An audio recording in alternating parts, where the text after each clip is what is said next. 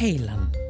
Heilan, Heilan og sælan. Dag. heilan dag. Já. þetta er skemmtilegu dagur hjá okkur í dag. Já, e, bara verði velkomin í mannlega þáttin það er miðvikudagur, 7. desember. Og vonum að hann verði bara heill og sæll. Já, Nei það ekki, velkomin í heilan þátt. heilan þátt Já, það er ekkit annað en við förum aftur til uh, ársins 1881. Eh, Já. Á þessum degi var minnisvarði um Jón Sigursson fórseta afhjúpaður á gröf hans í Hólavalla kirkjugarði í Reykjavík að viðstötu miklu fjölmenni. Já, mér getur rétt svo ímynda mér það, það hefði nú verið alveg fullt af fólki. Viðstatt eh, 1933 í fyrsta sinn var útvarpar miðilsfundi í ríkisútvarpinu og þar kom fram eh, Lára Miðill og mælti fyrir munn margra framliðina. Já, það hefur verið áhugavert að, að hlýða á. Mm og þetta uh, mikið af sögum uh, af þessum miðilsfundum, þetta var svo mikið þetta var bara eitt aðalsportið á þessum tíma sko. svo Og- þetta margar sögur. Já, en hugsa þetta bara í beinni, Þetta er í beinni miðilsfundir í beinni, Já, 1933. Já uh, í Bjarnaeyjum á Breiðafyrði ringdi skyndilega síld á þessum degi árið 1936 og var talið að skýstrókur hefði náð að sjúa upp síldina er hann átti uh, leið yfir sjó.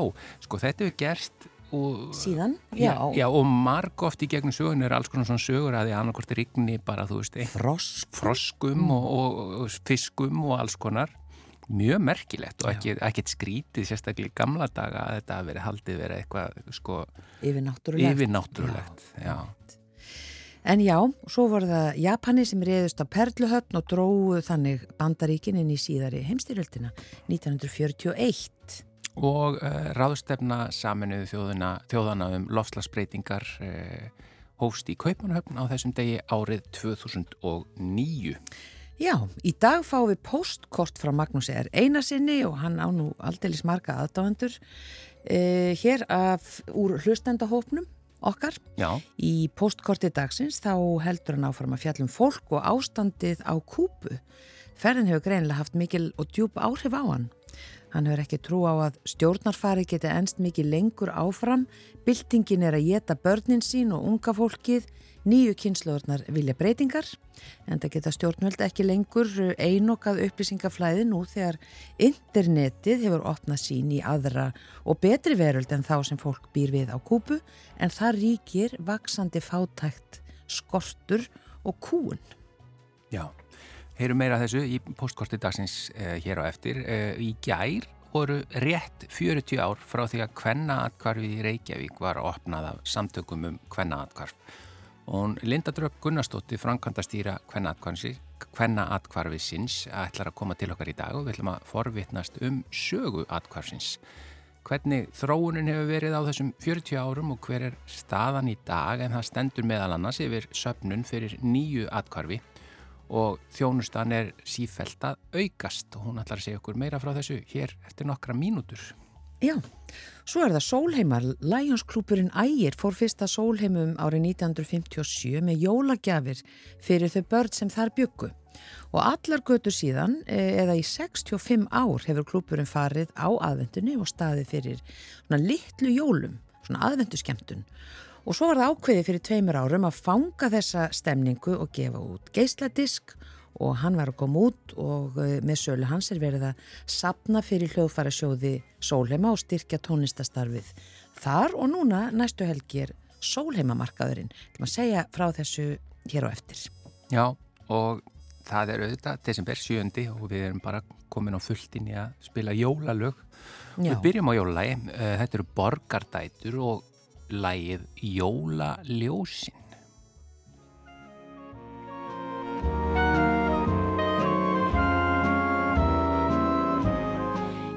Ég sé jólaljósin, lýs upp jólatré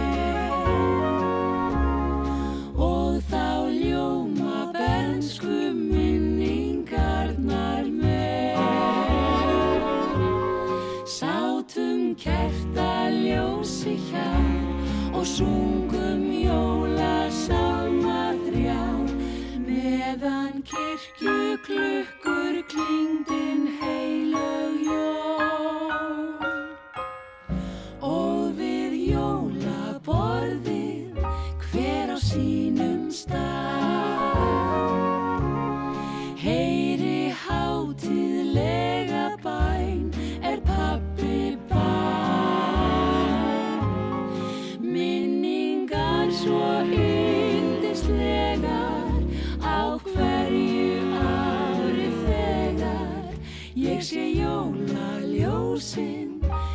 是 Pure alive.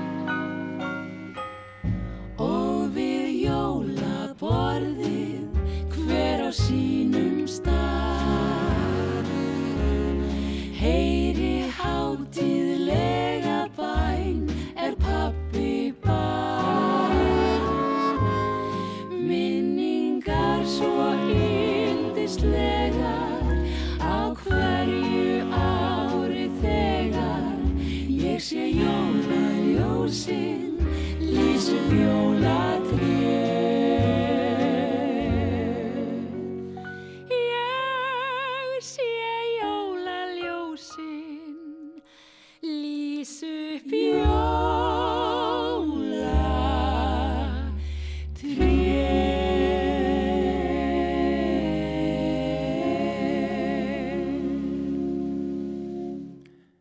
Þetta voru auðvitað borgardætur og læð Jólaljósin. Eh, Þetta er erlend lag og textin er eftir Andreu Gilvadóttur. En við, eins og við sögum frá í gær, í, eh, það er að þegar við maður rifju upp viðburði dagsins í, í gær 7. desember, voru rétt 40 ár frá því að kvennaatkvarfið í Reykjavík var opnað af samtökum um kvennaatkvarf og hingaði komin Linda Dröpp Gunnarsdóttir framkvæmdastýra kvennaatkvarfsins. Velkomin í marlega þáttinn. Takk fyrir. Til hamingjum með afmælið, Takk fyrir. 40 ár, þetta, þú veit sko auðvitað nýtekið mig, þannig ég ætla ekki að spurja því hvort það hafi ekki verið fljótt að líða. en hérna, það hlýtur mikið að hafa breyst á þessum 40 árum. Já, þetta er, þó, ný, þó ég sé nýbyrjuð, þá hefur maður náttúrulega alltaf fylgst með hvernig atkvarðinu og, og hérna, ég hef alltaf verið tengt starfseminni þannig og hérna, jú, þetta hefur verið, hérna, æfintýralegt ferðalag og byrjunin sjálf var æfintýraleg þegar hvern skurungar tóku sér saman, nokkra konur og ákvaðu bara upp á eigi einstæmi að opna hvennaatkvarf. Um, þar gerði nú alltaf ráð fyrir að erði bara opið í nokkur ár þar til að samfélagið myndi gera sér grein fyrir að það þyrst að stöðu ofbeldi hérna á heimilum en hér erum við enn og hérna, þörfin mikil þannig að, jú, þetta þróunin á starfseminni hefur verið mikil en, en svona grunn hugssjónin er alltaf til staðar og það er það sem er svolítið fallegt við hvenna atkvarfi, það er þessi hugssjónum að vera hluti af lausninni og, og bjóða þetta atkvarf og, og þessi ráðgjöf og dvöl fyrir konur og það er sveialeikin sem við getum alltaf sínt og þessi mannlegi þáttur.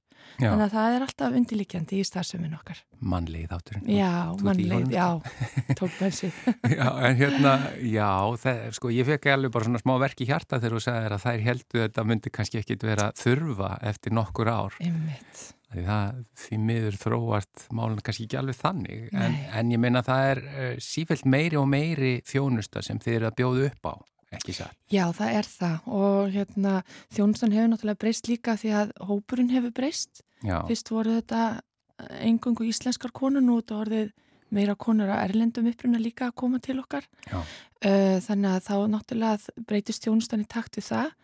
Um, þetta var svona meira kannski sjálfsjálp og konundar voru þarna meira sáu alveg um allt sjálfar sem voru í dvölinni. Núna fá þær meiri þjónustu þegar koma þó það séu áfram svona bílstjórin í eigin vegferð. Já, og þetta er dvöl fyrir þær og þær ráða svolítið sjálfar hvert þær fara svo með sín mál en þær fá miklu meiri stuðning heldur en þær fengu hér áður fyrr. Það eru fleiri ráðgjafar og við erum með ráðgjafavakt allan sólaringin sem tekur á móti konum með að svara síma. Já, og uh, hefum svona geta bætt við þjónustuna ansi mikið og við erum samt alltaf að byggja þetta upp sem heimili og þetta er rekið eins og heimili En þetta er, er, er, þrátt fyrir það að þetta sé heimili, þá Já. varst að segja mig líka hérna áðan að, að það er ekki bara þannig að konur koma til þess að vera, heldur Nei. þær koma líka bara til að leita uh, aðstóðar og fá ráðgjöf. Algjörlega, þetta er rauninni svona tvennskonar þjónusta sem við bjóðum upp og þannig sé að það er annars vegar getur þú komið í dvöl með börnin og búið hjá okkur frítt og fengið fæði og það starfar húsmáður inn á heimilinu og færð svona utanumhaldið og svo er þetta líka viðtalstjónsta þar sem þú getur bara ringt og pantaðir viðtalstíma. Já, og þeir eru líka frýir og það getur verið frá allt frá einum tíma upp í bara eins lengi og þart og það eru þá konur að koma og einnig aðstandendur að koma. Fá ráðgjöf og hvað er ofbeldi og er ég stödd í ofbeldi sambandi og hvernig kem ég mér út úr sambandinu eða hvernig held ég áfram? Oft eru þetta konur sem eru komnar út úr sambandi en ofbeldi heldur allt oft áfram þó svo að sambandinu hafi lokið eh, þá er það oft gegnum börnin eða allskynst leiðir náttúrulega stafrænt ofbeldi og annað þannig að hérna það hefur tvöfaldast hjá okkur aðsóknin í viðtölinn, farið úr 500 viðtölum á ári fyrir svona fjórum árum upp í 1200 síðasta ár þannig að, aðsóknin í viðtölinn er að aukast verulega hjá okkur, já. En þú varst að tala líka um hérna áður, áður en við fórum í loftið Mm. að það er mjög algengt að konur einhvern veginn að þær sjálfar sjá ekki alveg þörfina fyrir það að, að fara í hvenna atkvarfið. Ekki fyrir en þær kannski í rauninni koma og skoða þetta svona, fá aðeins smá fjallað á það eða hvað. Já, það er svona, þröskuldurinn getur verið ansi hár oft inn til okkar og konum þykir þetta oft stórt skref, eðlilega að ringja í hvenna atkvarfið. En, uh, og margar sem koma til okkar tala oft um það í byrjun að þær ættu nú kannski ekki að vera hér og þær séu að taka frá tíma og rúm fyrir aðrar og annað og hérna við þær konu vilja bara endilega hvetja til þess að taka upp símón og ringi okkur og heyra í okkur og fá speiklun á sínar aðstæður. Það er það sem við gerum. Við erum með 40 ára reynslu í því að skoða málinn með þeim og finna úrræðin og hérna oft koma er að hérna áegjan kannski einhvers úr fjölskyldu eða nærumhverfi og svo fer maður ofta að skoða með þeim málinn og mjög oft kemur það nú í ljósa að það er ofbeldi til staðar og það er oft bara vegna þess að fólk gerir sér ekkit alltaf grein fyrir að sé statt í ofbeldissambandi. Ofbeldi er svo flókið og ofbeldisringurinn er margslungin og oft er þetta margra ára ferli sem að byrja með svona kveitibröðstögum og, og svo er það andlega ofbeldi sem að læðist inn og einangrunin og önnur svona verkfæri sem notið eru til þess að brjóta fólk niður. Svo koma góðu tímabilin inn á Svo koma góðu milli og, tímabilin, já, Já. og blessuð ástinn og allt það sem spilar inn í þetta er aldrei einfalt. já, Þannig að konur upplifa sér ekkit endilega alltaf í ofbeldissambandi þótt að það séu sannlega statar í einu slíku og andlet ofbeldi er náttúrulega algengast og það er ofbeldi sem situr oftast fastast eftir og skilur eftir sér dýfstu sporin. Já. Þannig að við megum ekki vann með þetta andlega ofbeldi og hversu kröftu það getur orðið.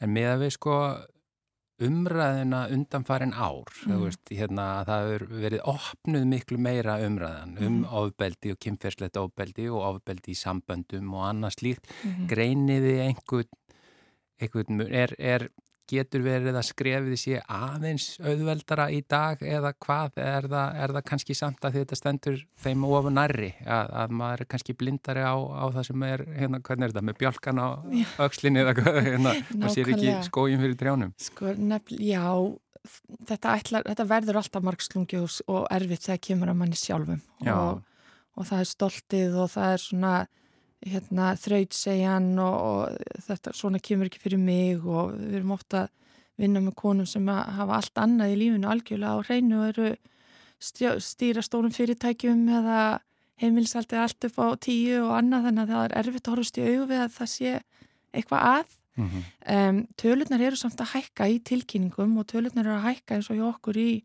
viðtölunum og við viljum trúa því að það sé þessi aukna meðvutund um að leita sér hjálpar og að konur séu fyrr til að sjá rauðuflöggin og allt þetta sem við erum búin að vera að tala um í gegnum árin. Já, Eins bara nærsamfélagið, svona í COVID jógst mikið umræða um að vera meðvitað um ofbeldi í kringum sig og tilkynna og láta vita eða skipta sér að.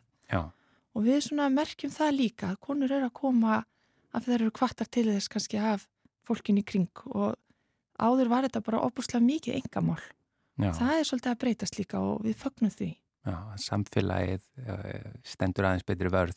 Já, En sko, hvað eru margir eða mörg á hverjum tíma e, í kvennatkvarinu eins og eh, staðan er í dag?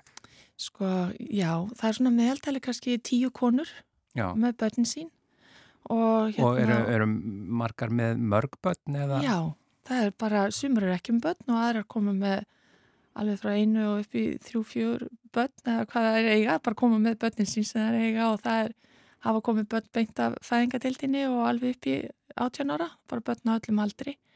Þannig að hérna, og svona meðaltala ári er þetta svona 130 til 150 konur og 100 börn að gista hjá okkur. Já, Þannig að, og þær geta verið alveg frá einum degi og bara upp í marga mánuði, meðal það eru engin tímamörk. það eru ekki tímamörk og meðal tímin er svona mánuður sem það eru oftast.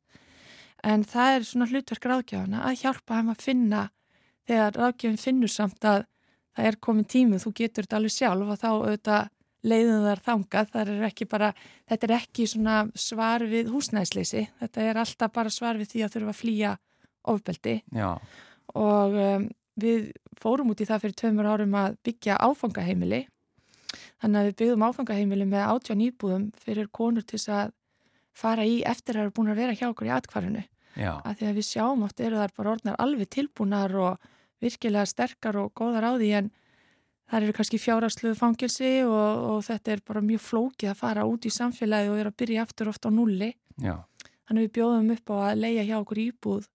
Það geta verið alltaf ári í íbúð á meðan það er að koma sér af stað út í samfélagið.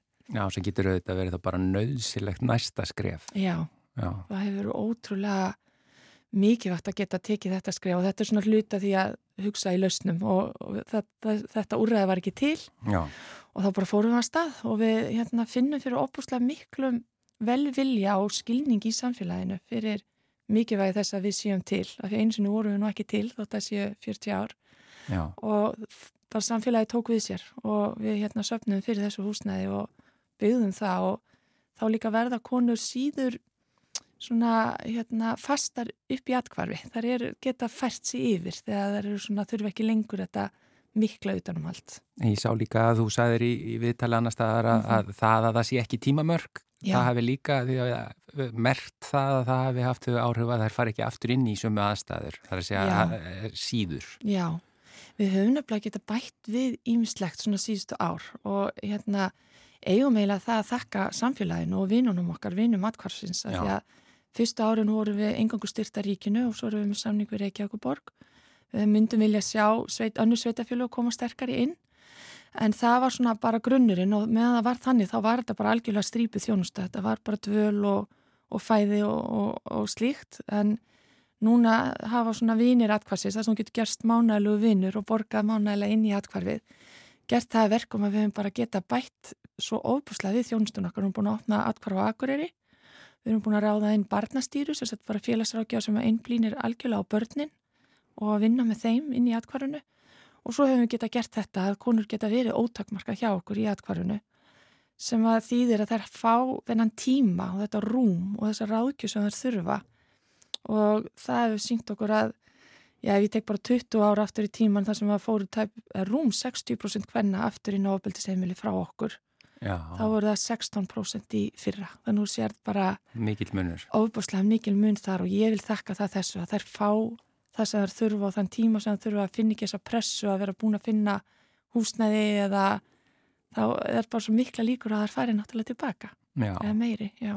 og þetta er líka bara e, sko, fyrirsögnin á viðtali við í fréttablaðinu e, Mm.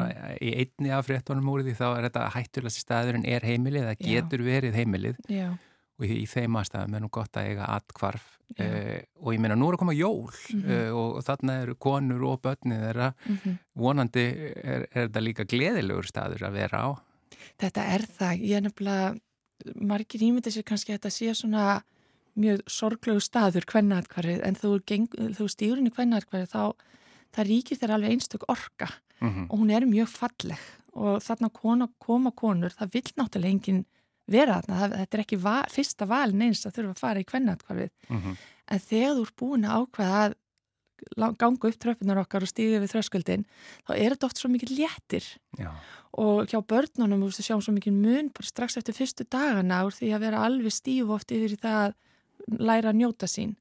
Þannig að kvennaðkvari er í rauninni óskaplega ljúfur staður og það er opaslega indelt að vera þar inni og falleg stemningin þar og við absolutt höldum náttúrulega jól og, og það er búið að skreita allt hátt og látt og það er allt tekið svolítið alla leið sko og þannig er nú ráðgjáðarnir og starfskonuna sem vinna hjá okkur, það er í þessu alveg með öllu hjarta sko, þannig að já, þetta er indæl staður hvernig aðkvarðið.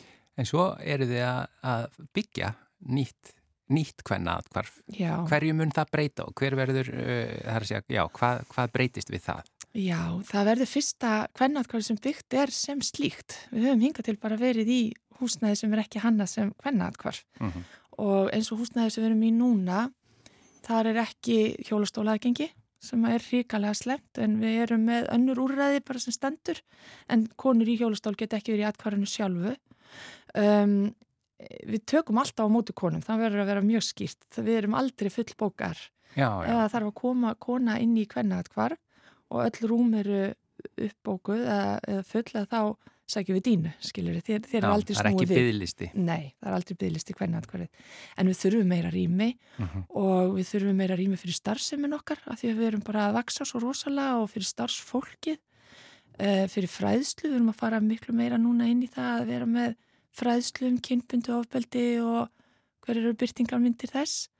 Um, svo þurfum við fyrir viðtölinn sem ég er að sem eru tekið núna út í bílskúr Já, þannig að við þurfum betri aðstæða fyrir það. fyrir það Þannig að nýtt hvernig mun bara gefa okkur svo ótrúlega ótakmarka rými til þess að þróa áfram starfsemin okkar og svona, já, taka betur utan um konunnar, en betur heldur við erum að gera í dag. Já, og þetta, ég minna þið er að byggja, þannig að Já. það kostar penning og þið eru að sapna. Já, við erum stórhuga. Og við erum konar með lóð frá Reykjavíkuborg Já, sem er hérna orðin samþygt og erum ótrúlega spenntar og eru komna teikningar. En við erum reikinni svo lítið heimili, við söpnum fyrst og förum svo að stað, við erum ekki tökum ekki klassísku íslensku leðina á þetta. Þannig að hérna, við ætlum að sapna og við erum komnar vel að stað búin að taka eitt ring og áttum sjóði og annað en þetta er langtíma verkefni og við hvetjum bara alla til að koma og taka þátt í þessu með okkur. Það er hægt að fara inn á heimustíðuna og, og, og veita hérna framlög í söfnunina. Og svo hefum við svolítið verið að freista þess að fá líka fyrirtæki með okkur. Jafnvel í svona langtíma samfunnu þar sem að þetta er langtíma verkefni þetta er alveg nokkur ár já, sem við tekur að byggja. Og það eru svona nokkur komin að stað. Þar sem við erum líka svona að fara í svolítið flæði. Þar sem við komum með fræðslu og stuðning inn í fyrirtækið fyrir starfsemina. og starfsfólkið og fyrir svona stærri fyrirtæki, ég minna 44% hvenna lenda í ofbeldi yfir 18 ára aldri. Þannig að ef þú er komið með uh, eitthvað fjölda af starfsfólki þá bara máttu vita það að það eru konur sem hafa upplifað ofbeldi og bara karlmenn sem hafa alist upp á ofbeldisheimilum. Þannig að við erum að fara í svona samstarf með nokkrum fyrirtækjum líka með það að þau veiti sínu starfsfólki meiri stuðning og, og svona opnun og það að, hérna, að þetta sé viðkent og það er nefnilega oft hjá okkur konur sem eru mjög feimnar við að tilkynna uh, vinnustöðum sínum að þær séu í kvennatkvarnu og það þurfum við jafnvel að fara í veikindaleifi eða eru hrættar við að fara á vinnustæðin í eitthvað tíma vegna ofbeldismannsins til, til, til dæmis. já. Þannig að að fyrirtæki geta Já. haft samband við ykkur. Þau geta gert það og við hvetjum til þess. Já, við bendum líka bara á hvernaatkvar.is upp Já. að það eða vilji styðja og styrkja Absolutt. og hérna fyrir byggingu á nýju hvernaatkvar og bara fyrir Já. starfseminni og það er líka upplýsingar um vaktsíma og annað. Linda Dröpp Gunnarsdóttir, framkvæmdastýra hvernaatkvarsins, aftur til hamingi með 40 árin og takk hjalla fyrir komin í mannlega þáttin. Kæra þekkir.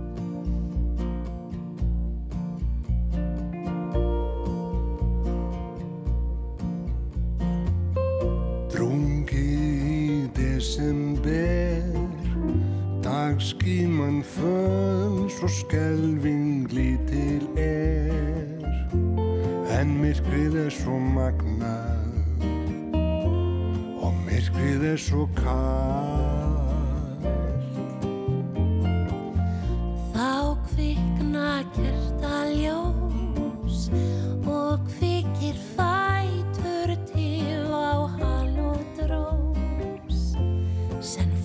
frelsara er fagna þá færist líf í allt. Þótt úti öskri hríð allt verður bjart og hlýtt Það er allstaðar tónlist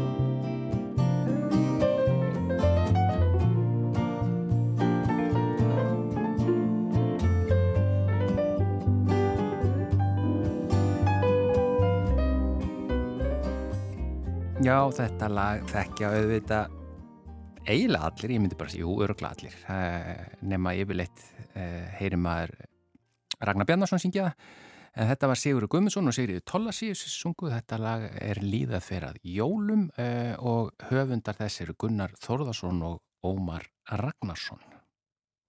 Lionsklúpurinn Ægir fór fyrst að sólheimum árið 1957 með jólagjafir fyrir þau börn sem þar byggu. Og allar götur síðan eða í 65 ár hefur klúpurinn farið á aðvendunni og staðið fyrir aðvenduskemtun. Og það var ákveðið fyrir tveimur árum að fanga stemninguna og gefa út geisladisk.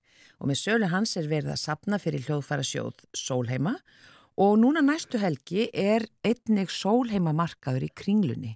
Það er að segja að fólki á Sólheimum kemur í bæin og selur síðan vörur sem unnar eru á vinnustofunum og hún Magnea Tómasdóttir söngkona og tónlistakona og hefur haldið utanum svona þetta verkefni allt saman. Hún er á línunni hjá okkur, kontu sæl. Sæl og blessu.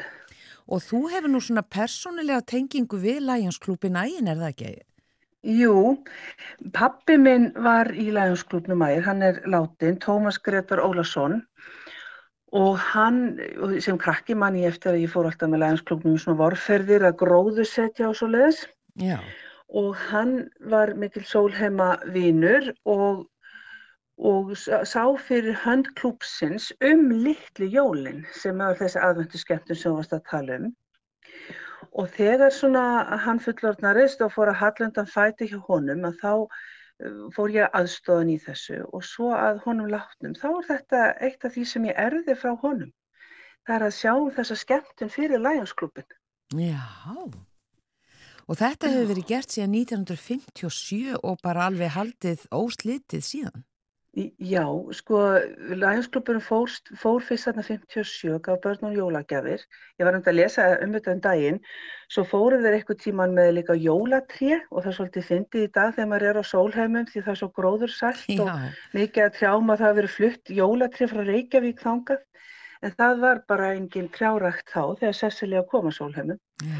Og, og svo þróaðist þetta út í þessa skemmtun sem á við kvöldu litljólinn. Og meiri segja sko í COVID-inu þá var, nokki, var ekki hægt að halda litli jólinn síðustu tvö ár en ég fór með gítarleikara og við sungum og, og Lionsklúpurinn býður alltaf öllum upp að hangi kjött og það var auðvitað hægt að gera það í COVID-inu. Þannig að það er hérna, það má segja að þetta sé 65 ára óslítinn saga. Já, og já, hvar er Lionsklúpurinn ægir staðsettur? Í Reykjavík. Hann er í klúbbur Reykjavík, sem já. er starf, já, starfa Reykjavík og Já. hann hefur stutt mjög mikið í sólheima í gegnum þessi ár. Já. E, og svo er það þessi tónleikar eða sem sagt geisladiskur segið sem þið ákveðið að þið ákveðið sem sagt að taka upp fyrir tveimur árum og fanga þessa Já. stemningu. Einmitt, það á litli jólin koma alltaf sömu hljóðfærarleikararnir Haraldur Þorstensson bassarleikari, hann kallar á sitt lið og uh, bara hittumst á litlu jólunum og syngjum jólaballalög og önnur lög og þanga koma líka með okkur allskynns gestir, bæði tónlistarfólk og, og fólk með jólasögu og, og, og slíkt. Og á, í rútunni á leiðinni heim, þannig að 2019, og þá hugsaðum við bara, já nú verðum við að fanga þessa stemningu og gefum út geisladisk. Og þá byrjaði svo vinna sem að tók smá tíma út á COVID en diskurinn er komin út í dag. Og við erum svolítið ána með að þetta er svona að blanda af jólaballalögum og sólheimakórin syngur á diskinum sjálfsögðu. Og svo eru önnur jólalög sem við þekkjum, margir textar, fjóri textar eftir Ómar Ragnarsson eins og geðum með gott í skóin og, og gríla og svona og svo önnur jólalög. Þannig að þetta er svolítið svona í bland. Og þeir sem eru sem sagt söngvararnir, það er Ómar sjálfur sem syngur, Björgvin Frans, Bergþór Pálsson og svo ég sjálf. Þannig að þetta er svona allt náttúrulega sjálfbóðarlega starf því að Já. það er verið að styrkja þennan hljóðfærasjóð með þessum diski. Já, akkurat. Og það er mikið mhm. tónlistarstarf á sólheimum. Það hefur alltaf verið tónlistastarf. Cecilia, þegar hún var á sólheimum þá byrjaði hún með tónlistastarf og það hefur alltaf verið.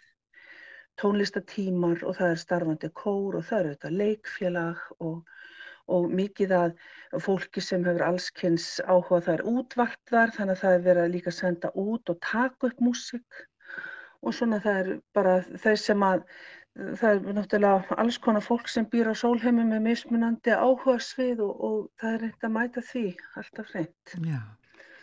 Og núna, mm. já, eins og við tölum um sólheimamarkaðurinn sem verður núna um helgina, já. hann er líka mikilvæg fjáröfluna leið. Já, hann er bara að byrja í dag með þess að. Já, í dag, já. Já, já, og verður alveg út sunnudaginn.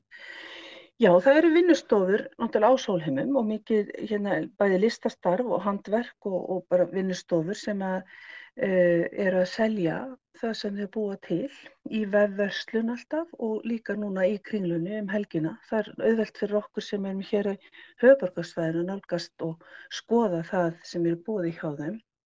Og þar verður náttúrulega diskurinn til sölu. En ég vildi líka nefna að ef að fólk sko, er búin að láta geisladiska spilaran sinn frá sér að þá er svona lítill miði með hverjum diski þar sem maður er hægt að hlaðunum niður í eitt tæki þannig að maður getur notið þessa disk þó maður ekki geisladiska spilara. Já.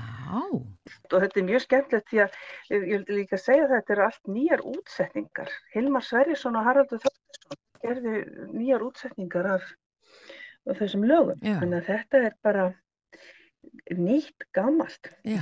En auðvitað á enginn að henda geislaspilaránu sínum. Það er nú bara þannig. Nei, guð, nei, en það bara eru nokkur sem hafa hérna, gert það, eitthvað neður rugglast að þessi rýminu. Já, verða aðeins hérna, fljótir á sér. Já. en hérna, já, já, en við ætlum að heyra lag af þessum geisladisk ykkar og, og svona það sem þið fangi þessa stemningu, uh, litlu jólin á sólheimum og uh, það er bara lagið um hana grílu og eitthvað sem vilt segja okkur um það. Björgvin Frans, hann syngur þetta lag og Sólheimakórin syngur í viðlæðinu. Þannig að þetta er hérna, já, gott val. Já, og svo er það sólheimamarkaðurinn í kringlunni, byrjar í dag og stendur alla helgina. Kæra þakki Já. fyrir Magníða Tómasdóttir og bara hvaðja til ykkar. Takk fyrir kælega.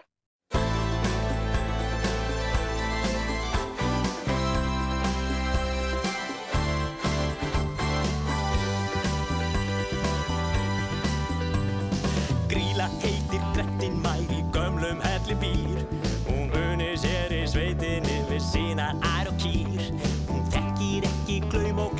götu lífsins spér og næstum eins og nunna er þó tíðund rára sé. Og gríla, og gríla, og gríla í gamla hellinu. Hún sinnir engu öðru nema elda nótt og dag. Og hyrðir þar um hiski sitt með hreinum myndabrag af allskins mat og öðru slíku elda hún þar fjöll. Og ný fimmtón jólasvein og átta tíu trött Ó gríla, ó gríla, ó gríla í gamla hellinum. Ó gríla, ó gríla, ó gríla í gamla hellinum. Já matseldin hjá grílu greiðir geysi mikið stref Hún hrærir deg og stóri stekju slær um buffi með. Með hjálkarli hún og brýtur þau í mél Og hrærir skýri stór og sterkri steipu hræri vél. Ó gríla, ó gríla, ó gríla í gamla hellinum. Ó gríla, ó gríla, ó gríla í gamla hellinum. Hún grílar mikill mathákur og myndi undra þig. Með matarskóplum mókar alltaf matnum upp í sig. Og ef hún greiðir á sér hárið er það mesta bast. Því það er reynd og rifið eins og riðgað víra drast Ó gríla, ó gríla, ó gríla í gamla hellinum. Ó gríla, ó gríla, ó gríla í gamla hellinum. Og hjá þeim gríl og leppa lúðei linnir kífinu Þótt hann grílu elski alveg út af lífinu. Hann eldir hana eins og flón þótt ekki sé hún fríð. Í sælu vímu sama lagi syngur alla tíð. Ó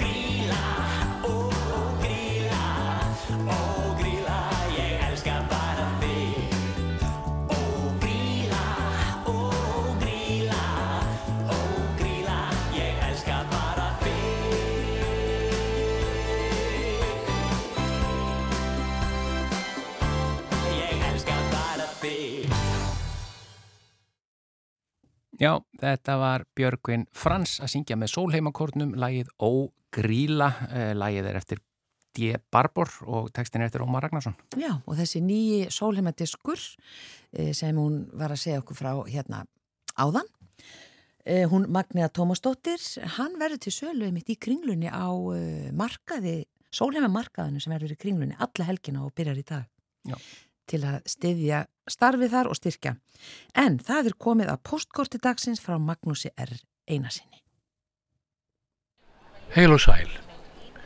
Það er rúm vika frá því ég kom heim frá Kúpu og ferðin situr enn mjög ofalega í huganum. Enda sá maður, heyrði og upplifði fátækt þriðja heimsins, sá líka heyrði og upplifði gersamlega glatað stjórnarfar. Flestir kúpufarar komast ekki í nána snertingu við fólkið, enda dvelja þeirra mestu á ágætum hótelum sem eru afgirt um heiminum við einhverja af hinnum fögru ströndum við Karibahafið langt fyrir utan borgi og bæi. Við byggum hins vegar í lítilli íbúð sem við legðum inn í miðri Havana á mörkum miðborgarinnar og gömlu borgarinnar og maður heyrði borgarniðin allan sólaringin. Og þegar maður kom út úr byggingun á mornana þá þurfti maður að komast í gegnum byðuröð sem hlikkaðist eftir gangstéttinni fyrir framann húsið. Fólki var að býða eftir að komast í maturverslun sem er í þar næsta húsi. Og byðröðin myndaði snemma mótnana og hún endaði ekki fyrir um nýju leitið á kvöldin. Það er háþróð byðröða menning í Havana, menn eiga til að mynda fast númer í röðinni þegar hún hættir á kvöldin og komast í hann á sama stað að morgni.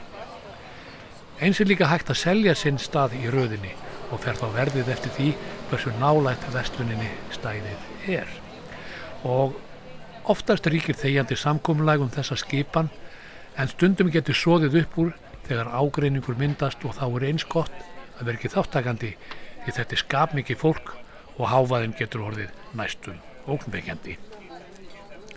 Og það er byðröð fyrir utan allar maturverslanir og þangað inn far ekki venjulegi túristar því allar nöðsínar eru afgriðtar gegn skömmtunarseðlum. Skorturinn á matvöru er alvarlegur og þess vegna blómstrar svarti markárin en þar þurfa menn að greiða tvöfald, trefald og jafnvel fjórfald verð fyrir matin. Ástæðin fyrir þessu ástand er einföld. Kúpa hefur ekki efni á að kaupa mat handa þjóðinni vegna þess að Kúpa skapar ekki þær tekjur sem til þarf. Afleðingin er óðaverðbólka og gjaldmiðlin er orðin svo ónýtur að maður getur ekki notaðan hvar sem er til að mynda ekki á flugvellinum og heldur ekki á mörgum hótelum og alls ekki í svokvöldum dollaraverslunum. Opinbera gengið er 24 pesóar fyrir 1 dollar en á svartamarkanum fást 155 pesóar fyrir 1 dollar.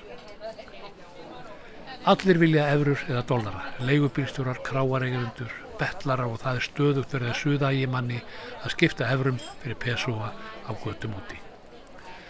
Stjórnmeldun á Kúpu kenna langvarandi viðskiptabanni bandaríkjana um ástandið og vissulega hafa bandaríkjamenn hagað sér ótrúlega nýðingslega gagvart þessari fátæku litlu þjóð.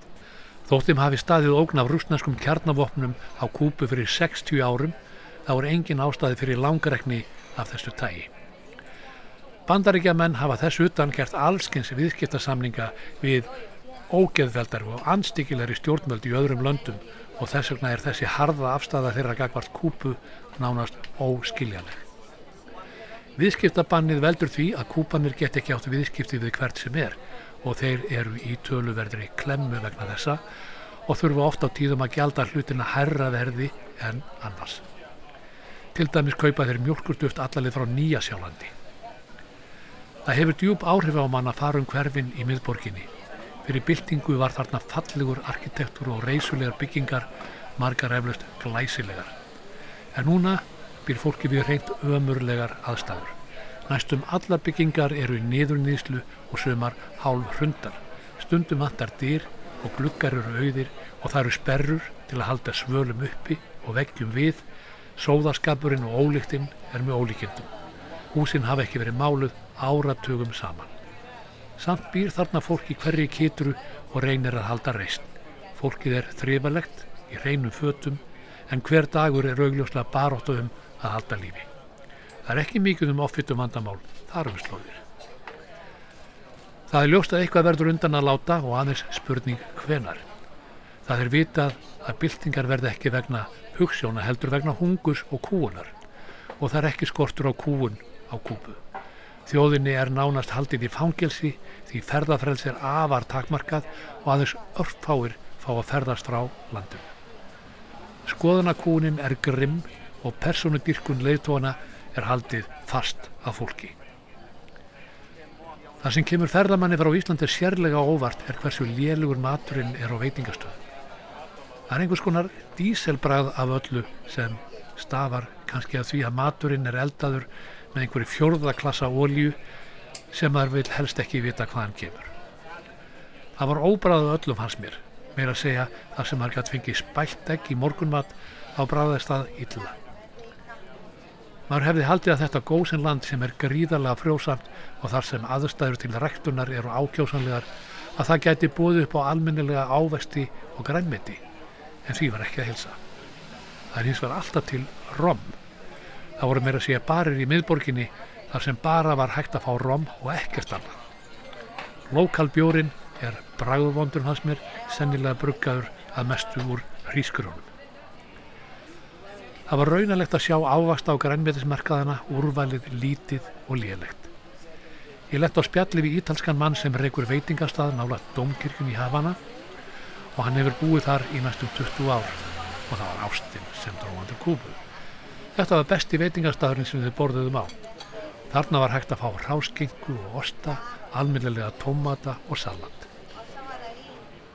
Þessi ítalski maður sagði ástæðuna fyrir laglegum gæðum í landbúnaðinum væru fyrst og fremst hinn úrelta og ónýta sovjíska framleyslukerfi sem kúpan er stunda ennþá. Kerfið býður upp á spillingu, leti og ómennsku, sagði Ítalinn. Hann sagðist hins vegar að vera í samband við nokkra sjálfstæða bændur sem framleitu þokkarlega vöru nánast á laun og þess vegna gæti hann bóðið upp á almennilegan matsiði. Mörgum ferðamanna veru starfsýnd á alla gömlu amerísku bifriðirnar sem standa fagur gljáðar við torkið Parki Central nála þingúsum. Bifriðar sem voru framleitar fyrir byltingu 1959 fyrir meirinn 60 árum. Þarna er bóðið upp á rúndum borgina fyrir um 30-40 eurur eða dollara fyrir klukkutíman. Fæstir átta sig á því að þessar byðurreðar eru bara skel utan um ótrúlegan samsetning af rúsneskum og austurþýskum varalhutum. Vélarnar eru oftast rúsneskir díselrokkar til að mynda og það virkar ekkert í mælaborðinu. Þegar maður fer út fyrir borgina þá er það algeng sjón að sjá gamla bíla, bílaða í vegkantunum með hútið uppi og menna bógra yfir vélarrýminu. Bílarnir hanga saman á líginni, segja kúpanir, Og hér sama má eiginlega segja um samfélagið. Það er byggt á lígi og það kemur að því að bæðu gömlu bílarnir og þetta sérkinnilega kommuníska samfélag mun rinja. Við fórum nokkru sinnum á ströndina fyrir austan Havana. Þangar hægt að taka rútu sem er um það byrj hálftíma á leiðinni en það er alveg þess virði því ströndin sem er um 22 km lengt er einhver svo fallegasta sem ég hef komið á. Þar er hægt að leia bekki og sólhlífar, busla í volgu Karibahafinu meðan tríó og kvartettar koma og spila og syngja fyrir smáöra. Maður fær nokkra prívat koncert á dag. Drikkjur og matur fáanlegt fyrir lítinn pening en samt á háu verði með það sem gildir inn í borginni. En það sem gerir ferð til Kúbu fyrst og fremst ánægulega er fólkið, náttúran og kúltúrin. Fólkið er indælt og hjálpsamt, flestir tala eitthvað í ennsku, en ef maður mælir á spænsku þá á maður greiðari leiðað fólki og ég átti ekkert erfitt með að skilja framburðin þeirra þótt hann væri nokkuð fráburðin þeim sem týðkast á spáni. Veðurblíðan var einstök í november allavega. Hlý, góla alla daga, hálskíjað og ekki of mikil sólaglenningur. Þótt borgin sé í nýðunýslu þá eru skóarnir og strendurnar heillandi og fagur þar um að lítast og músikin er alveg sér á parti.